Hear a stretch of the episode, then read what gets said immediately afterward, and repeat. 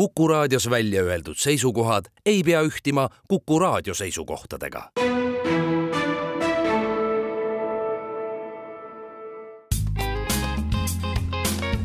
terviseminutid. saate toob kuulajateni pereoptika, kogu pere prillipood tere, head Kuku kuulajad, eetris on Terviseminutid ja me räägime täna koolilaste silmade tervisest. mina olen Ingela Virkus ja koos minuga on stuudios pereoptika juhatuse esimees Jaan Põrk. tere! pereoptika optometrist Laura Tõnov. tere! ning Essilori prilliklaaside tootespetsialist Margo Tinna. tere! no kohe-kohe algab kool, milline on siis koolilaste silmade tervis ja, ja võib-olla ka nende, kes just hakkavad minema kooli? Äh, no kuna kooli alustavatel lastel ikkagi on rohkem lähitööd, äh, siis äh, pigem levib vaikselt rohkem selliseid astenoopilisi kaebusi, näiteks lastel silmade väsimine või udune nägemine, topeltnägemine, veidi ka sellist kuiva silma sündroomi kaebusi, näiteks nagu selline kipitustunne või sügelustunne silmades, võib ka olla suurenenud pisarate vool ja samuti on tegelikult väga tavaline see, et seal kooli alguses äh, tekivad ka sellised refraktsioonivead, ehk siis prillide vajadus kas siis kaugele või lähedale vaatamiseks. Kas äh, see tähendab seda, et juba kui laps läheb esimesse klassi, siis ta võib juba tunda esimeste kuude jooksul, et, et midagi on nägemises kuidagi halvemaks muutunud või märkab seda vanem näiteks või klassijuhataja pöörab sellele tähelepanu ja siis tullakse juba pärast paari kuud juba teie juurde näiteks nägemiskontrolli? ikka võib, jah ehk et lapse silm areneb väga kiire aja jooksul? absoluutselt. mis neid äh, kaebusi aga põhjustab peamiselt? suurenenud selline lähitöö maht, arvutitöö maht ja kindlasti ka vähene selline aja veetmine väljas päikese käes. ja kooli alustatakse ju ka perioodil, kus kohe-kohe hakkab minema ka aina pimedamaks. just nii. jah, see ei ole ainult väikelaste juures, et äh, sügis ja augusti lõpp Äh, annab ka täiskasvanutele täpselt samasuguse emotsiooni, et äh, kas käed on lühikeseks jäänud või, või siis on tunne, et lihtsalt äh, vajame uut seda prilliraami. aga see laste kontrollid algavad ju tegelikult ikka väiksest east, aga see soovituslik enne kooli nägemise kontroll on ülioluline, sellepärast et et äh, lisaks äh, nägemisele mõjutab see laste kõike seda haaramise võimet ja, ja seda informatsiooni kogumise võimet ääretult ja see sellise järsu töömahu suurenemisega võib tegelikult tuua ka igasuguseid peavalusid ja selliseid probleeme juurde, nii et et see nõue, et enne kooli laste nägemist kontrollida, on väga-väga oluline. Kui laps võib-olla ise, see laps siis, kes läheb alles esimesse klassi, ei oska tähelepanu sellele pöörata või välja tuua, et tal nüüd midagi konkreetselt nägemisega viga oleks, siis mis on need märgid või sümptomid, mida võiks siis õpetaja, lapsevanem märgata, et äh, näiteks Jaan just mainis ka peavalusid, et äh, need võivad olla seotud sellega, et äh, nägemises on hoopis mingisugune probleem. just, samamoodi näiteks kissitamine või telerile või ka koolis tahvlile lähemine, lähemale tulemine, et siis seda vaadata. Ja erinevad siis silmade väsimused, ei taheta kaua näiteks lähitööd teha või lugeda. Ma olen äh, kuulnud, et tänapäeval ei taheta enam äh, nagu lähemale tulla, aga tehakse telefoniga pilt ja seda suurendatakse, et, äh, et need on sellised tegevused, mida veel, ma ei tea, viis aastat tagasi ei osanud nagu uneski näha, mida lapsed välja mõtlevad, aga üks asi on kindel, et nägemist need protsessid ei paranda kelle juurde siis tuleks laps viia nägemiskontrolli, et kui esimene silmakontroll äh, toimub seal kolmandast eluaastast, te soovitasite kindlasti veel enne kooli algust ka äh, kontrollis käia, siis kelle juures seda teha? Äh, siis esmane kontroll on ka näiteks optometristi juures kui on ikkagi prillide vajadus või on mingisugune suurem nägemise probleem, siis suunatakse laps edasi silmaarstile. jah, optometristid saavad äh, seda tugevust määrata küll, aga, aga kuna lapse silm vajab, äh, mis tilgad need on? Need on silma lõdvestavad tilgad, mis siis silma pannakse. jah, ja seda äh, teevad arstid. just, et lihtsalt see akomodatsioon ehk siis silma siselihas teeb väga-väga aktiivselt tööd lastel, mida siis mehaaniliselt meie optometristid ei suuda nii lihtsalt lõdvestada ehk et kooli minevate laste silmakontroll või nägemiskontroll on üsna sarnane väikelaste nägemiskontrollile? tegelikult küll, jah. mis hetkel nad aga hakkavad samasuguseid nägemiskontrolle tegema siis nagu täiskasvanud? Äh, no seal kuskil kooli ajal tegelikult. et siis on juba enne kooli kuue-seitsmeaastased tegelikult äh, tunnevad ka tähti, et on üsna sarnane juba täiskasvanu nägemiskontrolliga. ja kui arsti poolt on retseptid ja soovitused olemas, et siis piisab tegelikult juba optometristi juures käimisest, sellepärast et see, kuhu poole see nägemine muutub, on juba meie poolt jälgitav millised on siis need kõige levinumad äh, nägemisega seotud probleemid, äh, millega siis kooli, koolis käivad lapsed äh, optometristi juurde näiteks jõuavad? pigem ongi selline kissitamine, ikkagi udune nägemine, mida nad tavaliselt kaebavad.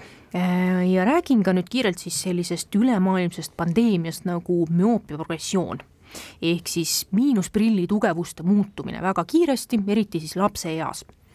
Et äh, see suur miinusprilli tugevus võib kaasa tuua erinevaid silmahaigusi, et näiteks inimesed, kellel on miinus seitse prillid siis tegelikult neil on kakskümmend korda suurem tõenäosus, et neil tekib glaukoom või mõni muu silmahaigus. ja sellepärast tegelikult on väga tähtis ka seda müoopia progressiooni aeglustada. Ja seda müoopia progressiooni saamegi tegelikult me siis aeglustada siis, sellel perioodil, kui meil see silm kasvab, ehk siis lapseeas kuni kaheksateistkümnenda eluaastani. ja selleks äh, on siis äh, selline nii-öelda meie poolt pakutav, Eestis pakutav variant, äh, spetsiaalsed prilliläätsed mis need tähendavad, spetsiaalsed prilliläätsed, kuidas nad spetsiaalsemad on kui, kui teised prilliläätsed? Müoopia progressioonil on tegelikult äh,, ei olda täiesti kindel, miks see tekib äh,. üks probleem võib olla siis see, et meil tekib silmapõhjas selline hüperoopiline nihe, et meil on kogu prilliklaas ühe tugevusega ja see on siis see, mis võib teda nii-öelda põhjustada või see üks nii-öelda põhjuseid. Äh, ja sellepärast ongi siis olemas spetsiaalsed äh, prilliläätsed, kus on perifeerias tegelikult teine tugevus võrreldes sellega, mis on siis nii-öelda siis prilliklaasis otse vaadates. et siin on nagu see vahe, et äh, silm ja aju koostöös saavad aru, et mida silm peab rohkem tegema ehk siis, et kui sul on aktiveeritud ainult üks osa sellest silmast, et siis aju, aju noh, kontrollib kogu seda silmatööd siis ta toimetab selle silma kallal niimoodi, et see silm areneb ja kasvab niimoodi, et tal need muud alad, alad oleksid ka nagu äh, kaasatud. nüüd müoopia kontrolliga silma, ütleme, lääts on selline, mis, mis teatud mõttes äh, aktiveerib muid alasid, et silm kasvaks ja areneks normaalselt, ehk siis meie meie noh, kasvuperioodil ikkagi aju kontrollib äh, seda meie tegevust ja kui stiimul on teistsugune, siis äh, silm areneb teistmoodi et need variandid on, on olemas ja on olemas ka see ütleme, lahendus nendele inimestele, kellel tegelikult see müoopia teema võib-olla ei ole enam nii palju kontrollitav, aga läätsed iseenesest on sellised, mis sobivad ähm, erinevat tüüpi äh, lastele, laste vanustele, mis on, mis on ette nähtud äh, noh, kus on see optiline kvaliteet sellisel määral tõstetud, et et see on äh, seoses lapse kasvu, vanuse, tema nägemis äh, sellise stiili ja, ja äh, toimetustega, et see optika on niimoodi läätses sätitud, et, et see on teatud vanuses lapse jaoks kõige sobilikum. Ja see on nüüd selle digitaalse maailma võimalus, et, ma toon väikse vähemärkusena, et vanasti äh, lihtsalt äh, tehti silmaarstide soovitusel äh, Äh, lapsele natukene nõrgemad need äh, prilliklaasid, kui laps tegelikult vajas, aga noh, selle kasutegur on väga väike võrreldes sellega, mida nüüd need digitaalse nagu töötlusega ja digitaalsete võimalustega loodud klaasid võimaldavad. et jah, tegelikult see nii-öelda meelega nõrga prilli väljakirjutamine, ta isegi ei ole kasutegur, ta on natukene kahjutegur. et uuringud ikkagi näitavad seda, et et kui nüüd mõelda ühevaateliste prilliläätsede peale, mitte siis spetsiaalsete müoopia kasvu mm, Pidurdav. pidurdavate klaaside äh, teema, et tegelikult see nii-öelda alakorrektsioon, kui me teeme meelega selle nõrgema prilli, tegelikult see kipub just seda silma rohkem kasvatama, ehk siis ka seda miinust rohkem viskama, kui see täiskorrektsioon, ehk siis see laps näeks nii-öelda nii hästi, kui tal on võimalik näha. aga seda on noh, ei saa öelda, et propageeritud, aga arstide poolt kasutatud, aga aga nüüd on revolutsioon optikamaailmas toimunud jah, et üldiselt on ikkagi niimoodi, et tänapäevaste optiliste võimaluste juures on äh, kõikidele, ütleme, nägemisprobleemidele võimalik saada väga kvaliteetseid lahendusi. ehk siis see optika on niimoodi ehitatud ja läbimõeldud ja, ja valmis tehtud, et see, ütleme, lapse kui kliendi, eks ole, et tema saab ikkagi sellise lähedase tüübi endale ette, mis tema nägemiskvaliteeti igasugustes situatsioonides parandab ehk mida parem on nägemiskvaliteet, seda paremini on see impulss äh, silmapõhja ja nägemiskeskusesse, et seda paremini ja täpsemalt saab kogu see süsteem aru, mis ta tegema peab. mida ta näeb ja, ja noh, kõik see, mis sellele järgneb. ehk ta on palju dünaamilisem, kogu see nägemine ja, ja palju täpsem kui Laura mainis, et väga täpselt ei saa öelda, et mis seda müoopiat siis tekitab või põhjustab, siis ta on ikkagi ainult äh, lastehaigus, et täiskasvanutel müoopiat ei teki?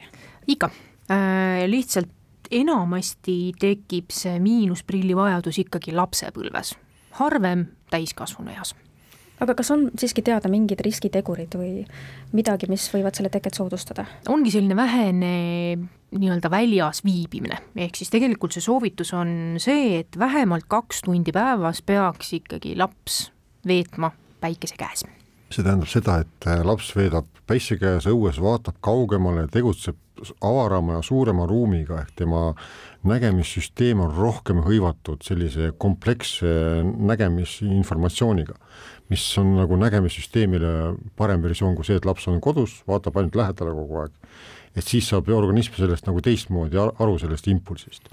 et välja, lapsed välja jah, et äh, tegelikult äh, kui me sellele olukorrale, kus me praegu oleme, tõsisemalt nagu otsa vaatame, siis me näeme, et äh, veel kümme aastat tagasi ju ei olnud seda lähedale vaatamise suurt äh, nii-öelda vajadust, aga, aga tänaseks on see mm, nii-öelda käepikkuse noh, nagu vahemikus hästi palju nagu seda lähi-lähitööd, nii et nii täiskasvanutel kui lastel ja ja noh, meie optikakauplustes tunneme, et sellega tuleb meile tööd juurde lõpetuseks, et kuidagi positiivsemal noodil eh, see saade lõpetada, et eh, nimetage siis mõned sellised eh, soovitused, et mida saaksid kas siis õpetajad klassiruumis või vanemad kodus teha, et ennetada selliseid nägemisprobleeme, ennetada müoopia teket. et üks asi on siis rohkem lapsed välja. Ja tegelikult, mis on ka selline väga hea soovitus, on see, et lapsevanem võiks ise näidata seda head eeskuju. ehk siis mitte visata need lapsed lihtsalt ise välja, vaid ikkagi minna ja kas või teha väljas sporti, käia jalutamas ja nii edasi. ja mina tooksin hoopis ühe hoiatava seisukoha välja, et need probleemid tegelikult ise ei parane. et kui nendega ei tegeleta, siis tegelikult nad ainult süvenevad ja ja see on nüüd küll kurb teade jah, ja see, et, et noh, paljudel lapsevanematel on ka võib-olla see, see komme või noh, ütleme, see annab teatud mõttes hõlpu, et kui sa annad lapsele ikka ekraani ette, siis ta seal on vait ja vagusi ja toimetab ja nii suuremad kui väiksemad lapsed, et siis, siis ma mõtleks, et seda mitte väga kergekäeliselt ikkagi teha. aga rõõmustav on see, et, et on lahendused olemas aitäh teile saatesse tulemast ja nõu andmast, Laura Tõnov ja Jaan Põrk Pereoptikast ning Margo Tinno Essilarist terviseminutid. saate toob kuulajateni pereoptika, kogu pere prillipood